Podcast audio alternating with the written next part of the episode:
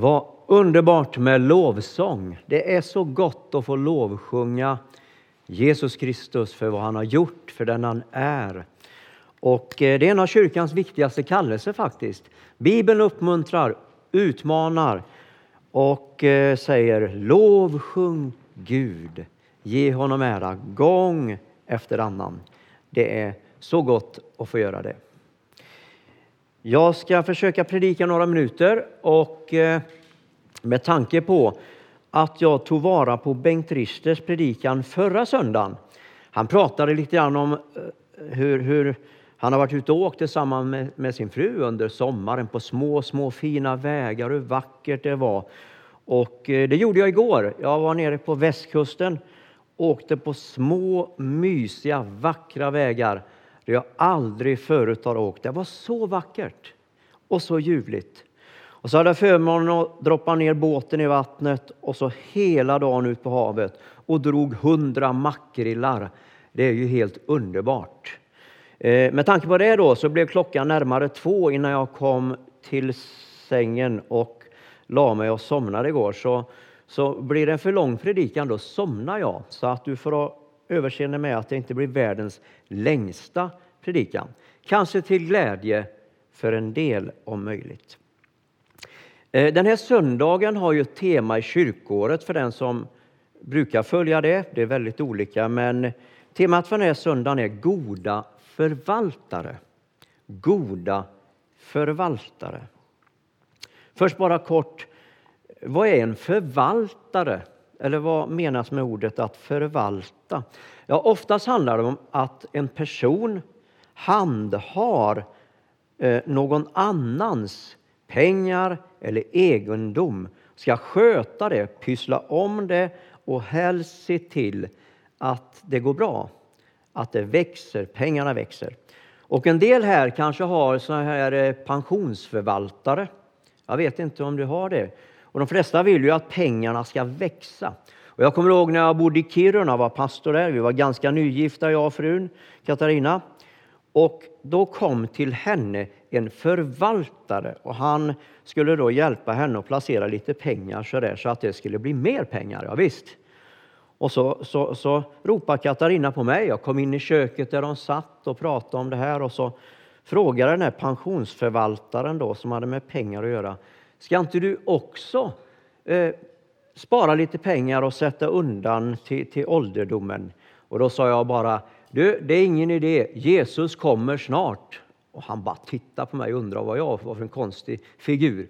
Och min fru tittade också på mig kan jag minst sagt säga. Eh, nu ska vi lämna det och eh, ska bara säga att det vanligaste är på det här temat goda förvaltare, det är att läsa texter som oftast talar om någon, eh, oftast som får pengar, talenter heter det på den tiden då, och som är tjänare och så, så ska man då se till att de växer. Och en del av de här texterna är en slags, alltså man säga, bedömer om man har gjort det bra eller dåligt och så uppmuntras vi att investera eh, pengar, tid, kraft för Guds rike så att det går så bra som möjligt. Men i den här predikan så kommer det inte handla riktigt om det utan jag funderar på vad är det vi har att förvalta? Och jag har några förslag och det finns massor andra saker, men jag lyfter några. Och jag vill läsa från 1 Petrus 4 och 10. Tjäna varandra var och en med den nådegåva han har fått som goda förvaltare av Guds nåd i dess många former. Alltså, här handlar det om förvaltare, om man ska vara goda förvaltare av Guds nåd i dess många former.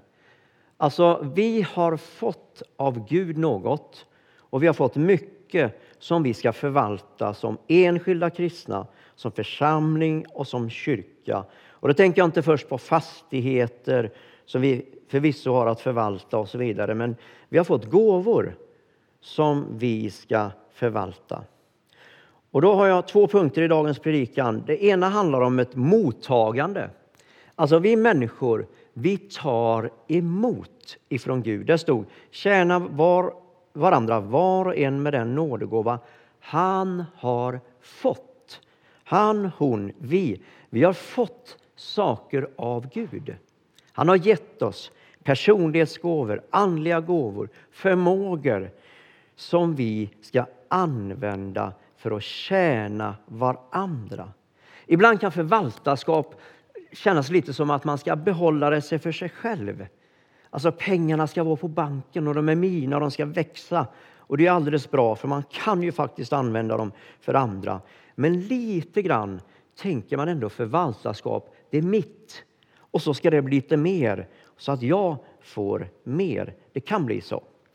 Men här står det alltså tjäna varandra var och en med den nådegåva han har fått.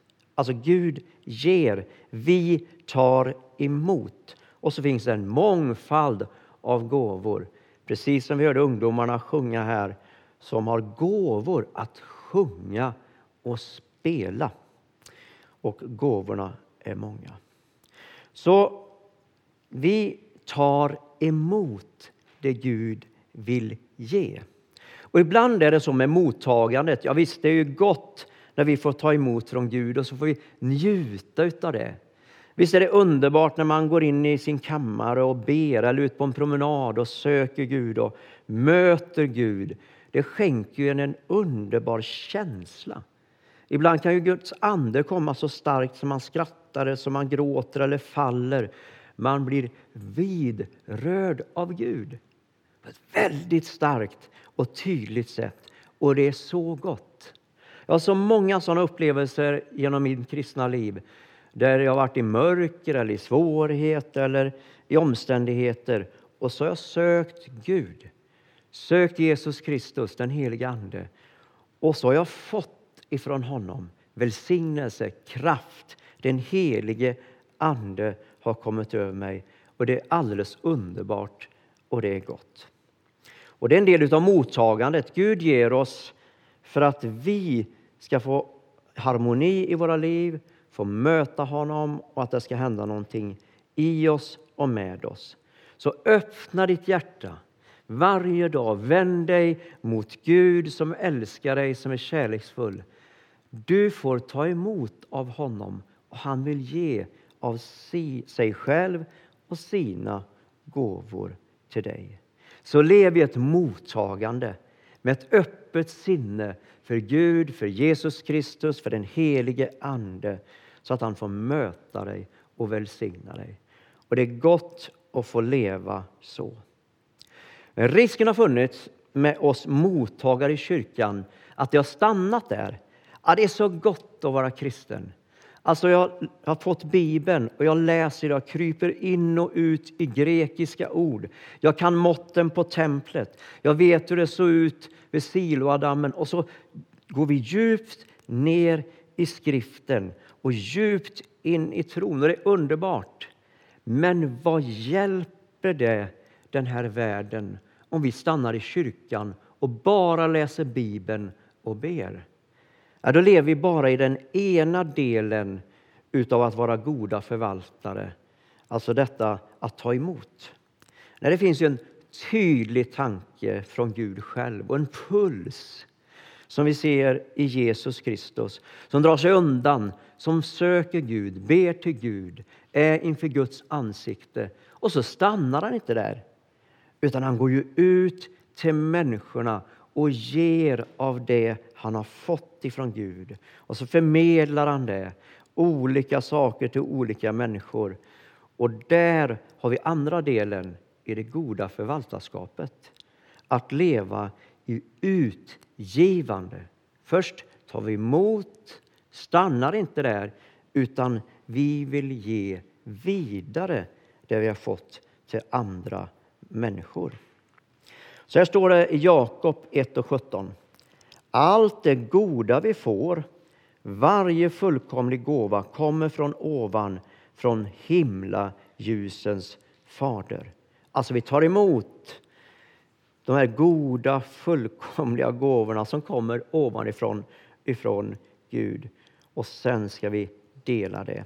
Och Det första jag tänker på, som jag skrev ett A här på utkastet, det som vi har fått, som kyrkan har fått, varje kristen har fått, det är evangeliet. Det glada budskapet. Alltså vad då glada budskap? Jo, att det finns frälsning. Alltså Gud vill ge oss evangeliet, budskapet om att vi kan få evigt liv. Och Det är därför vi kan lovsjunga, även om det regnar, även om det blåser, även om vi ibland gråter och livet är inte alldeles bekvämt, så kan vi lovsjunga, ära, prisa Jesus Kristus, Gud. Därför vi har fått frälsning. Vi har evigt liv. Vi är på väg till himmelen. Evangeliet, det glada budskapet. Så här skriver Paulus till församlingen i Korint. Bröder och systrar, jag vill påminna er om evangeliet som jag förkunnade, som ni också tog emot, på vars grund ni står och genom vilket ni blir räddade. Alltså han ville påminna dem om? Jo, evangeliet, det glada budskapet om att Jesus har dött och uppstått och det finns evigt liv. Det hade Paulus först tagit emot och nu delar han det vidare. Vart han än åkte så såg han möjligheter. Här är en människa. Jag måste bara få välsigna. Jag måste bara få dela det jag har fått. Henry Kimbom, Eh, jag är ingift i Kimbomsläkten, han tog ju den här möjligheten och chansen överallt där han var. På festplatser, fängelser, överallt så gick han fram. Och min svärfar berättade då, som var son till Henry Kimbom, de skulle ut av gudstjänsten ner på Varaslätten någonstans där neråt. De åkte i sin stora amerikanare och eh, så kommer de körandes där på, på, på den stora vägen, E20 heter den nu, neråt. Och så säger Henry, stanna bilen pojk! Och min svärfar Olle stannar bilen. Och så går han ur bilen och så får, har han sett en man där ute på, på, på en åker en bra bit ut. Och så ropar han Gud välsigne dig broder. Eh, det var bara det att det var en fågelskrämma. Ja, visst. Men han välsignade varje tillfälle han såg en människa ut på en åker. Jag hade ju bara åkt förbi. Men han stannade och så tänkte han, han måste få ta del utav Guds välsignelse. Alltså, det är vår kallelse att ta emot evangeliet och sen likt Paulus och kyrkan genom hela historien förkunna, dela evangeliet. Och Paulus skriver ju själv det då om sitt förvaltarskap. Han kallar sig eh, Jesu, Kristi Jesu tempelpräst. Och i helig tjänst så förvaltar jag Guds evangelium. Och vad gör han då? säger han. Jo, Gud har gett mig uppdraget att gå ut, att för, gå ut och förkunna evangeliet. Så förvaltade Paulus. Han satt inte bara med skrifterna, studerade och gömde sig. Och ni vet Frank Mangs, Nordens apostel kallad, som, som fick vinna så oerhört många människor för Jesus 30, 40, 50, 60, 70-talet, säkert 80-talet också. Eh, han varnade redan på 1930-talet i en av sina första böcker att ibland tenderar Guds församling att bygga andliga skyddsrum. Och så gömmer man sig där inne för den värld där utanför är så farlig. Och så sitter man där inne och så njuter man av allt det goda.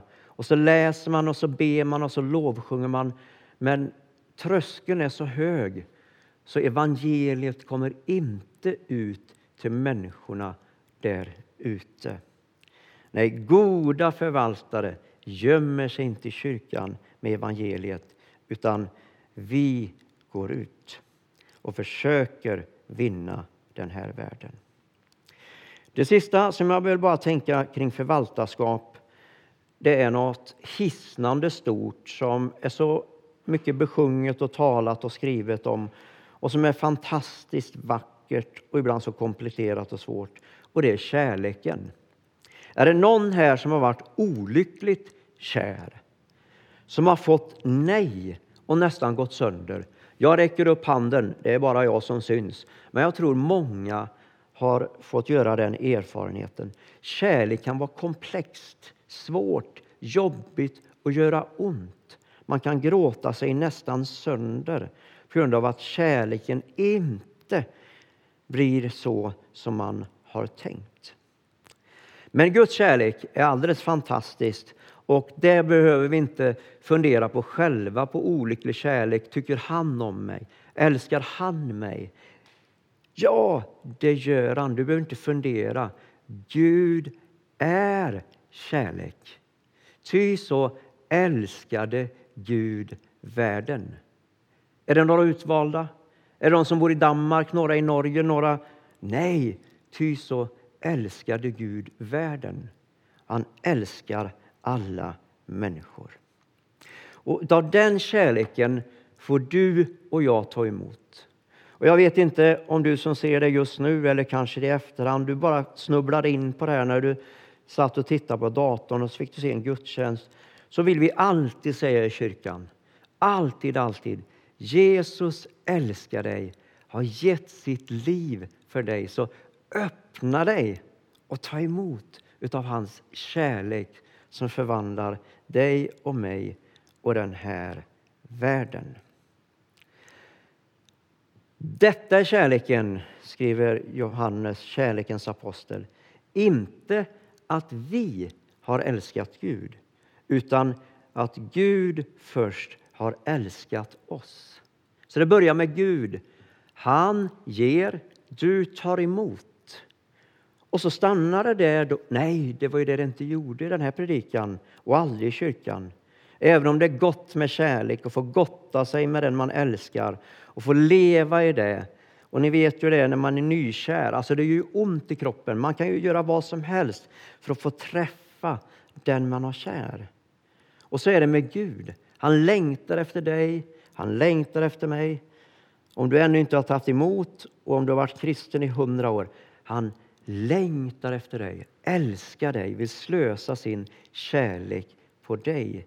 Och så får du leva i den, njuta av den, vara i den. Och så nästa steg, det naturliga. Man vill dela den med hela världen och med alla människor. Alltså, Bibeln är tydlig, Nya testamentet är tydligt. Älska varandra. Så som jag har älskat er ska ni älska varandra. Och Det är så gott att få leva i det. Och Det beror inte på oss själva egentligen. då, för Ibland kan man tänka, hur mycket kärlek kan man ha? Den är oändlig. För den kommer inte från dig själv. Den kommer ifrån Gud. Och Jag har varit i det läget många gånger genom livet att jag haft svårt med människor. Att ibland älska, till och med tycka om och så har jag fått uppleva gång efter annan när jag vänt mig till kärlekens, livets Gud så har han hjälpt mig att lägga bort det som är hinder och så har kärlek fått flöda fram till andra människor. Och Den här världen längtar efter mer av kärlek oss människor emellan och den kärlek som Gud ger oss. Så ta emot, öppna dig just nu för hans kärlek. Och så bara ta nästa tillfälle när du får slösa med den kärleken över andra människor. Du kanske har människor du tänker på just nu som du har svårt med av olika anledningar. Be att Gud hjälper dig så du får leva i kärlek och ge den vidare. Jag ska bara koppla ett ord mot slutet. Jag vet inte om man får predika så länge, David, men, men jag ska snabba på mot slutet så jag inte somnar nu. Det börjar bli långt. Men något som jag vill koppla på slutet till, till, till den här otroligt stora kärleken, det är nåden som jag läste om i början. Tjäna varandra med var och en med den nådegåva han har fått som goda förvaltare av Guds nåd i dess många former. Och I vår kultur, jag vet inte om du håller med mig, men, men när jag ser på vår kultur och egentligen genom hela historien, så i alla kulturer så letar man efter hjältar. Alltså tänk i romarriket när man vunnit seger och man kom hem, hjältarna hyllades. Och det gör ju någonting med ett land och ett folk som upplever framgång. Ungdomarna här på första bänk de har nog ingen aning om vem Ingmar Stenmark är. Kanske, jag vet inte. Björn Borg. Ja, visst. Frank Mangs. Bertil Paulsson. Storsångaren Einar Ekberg och så vidare. och vidare. Alltså, det finns trons hjältar, det finns hjältar inom politik och sport och på många områden. Dessa skänker medborgarna, eller den som kopplas till hjälten, en känsla av ära och glans. Alltså det kan lyfta ett helt land när det går bra för landet. Och vem minns inte, ungdomar, sommaren 94? Alltså, när man säger sommaren 94, en del fattar ingenting. Ja, det var väldigt varmt den sommaren. Vi fick bära vatten. Men jag pratar givetvis om fotbolls-VM. Alltså, den sommaren glömmer vi ju aldrig. Sverige tog brons. Inte hela världen. Vadå brons? Det är jättesvårt att ta ett brons i fotboll. Och särskilt för lilla Sverige. Alltså, lyfte hela nationen. Vi svävade. Vi gick som på moln. Och de här hjältarna hyllades som alla hjältar som kommer hem vid Arlanda eller på, på Sergels torg. Vi behöver hjältar, för de skänker något åt oss, en känsla som är god. Vad det med nåd att göra? Jag kommer till nästa. Syndabockar. De letar vi också efter i samhället. Alltså människor som har gjort fel. Alltså händer någonting på ett kärnkraftverk, en skruv har ramlat bort eller någonting. Ja, då måste vi ha fram vems fel var det? Vems fel är det? Och vi som samhälle är inte sällan ganska skickliga och duktiga på att döma och fördöma människor. Och varför gör vi det?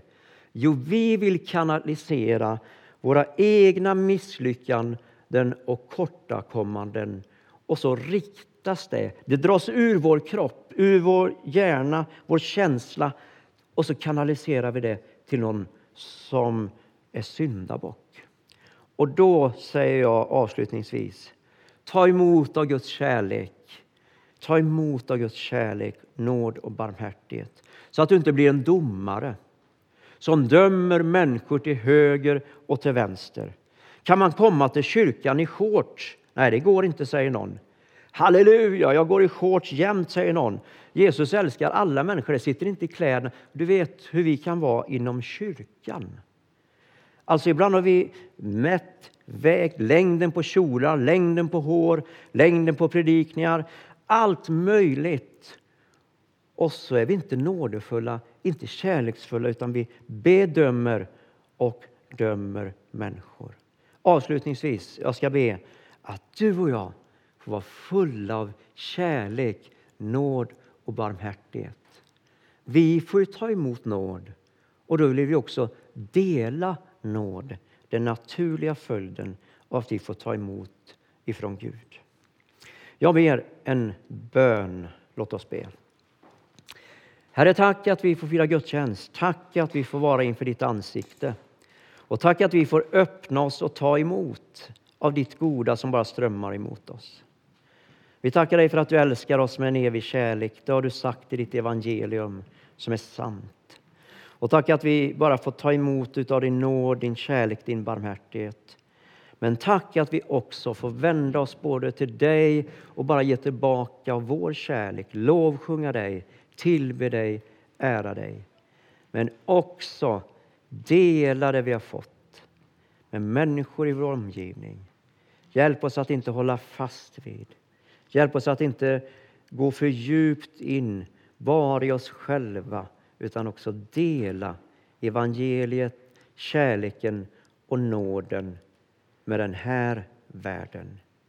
I Jesu namn. Amen.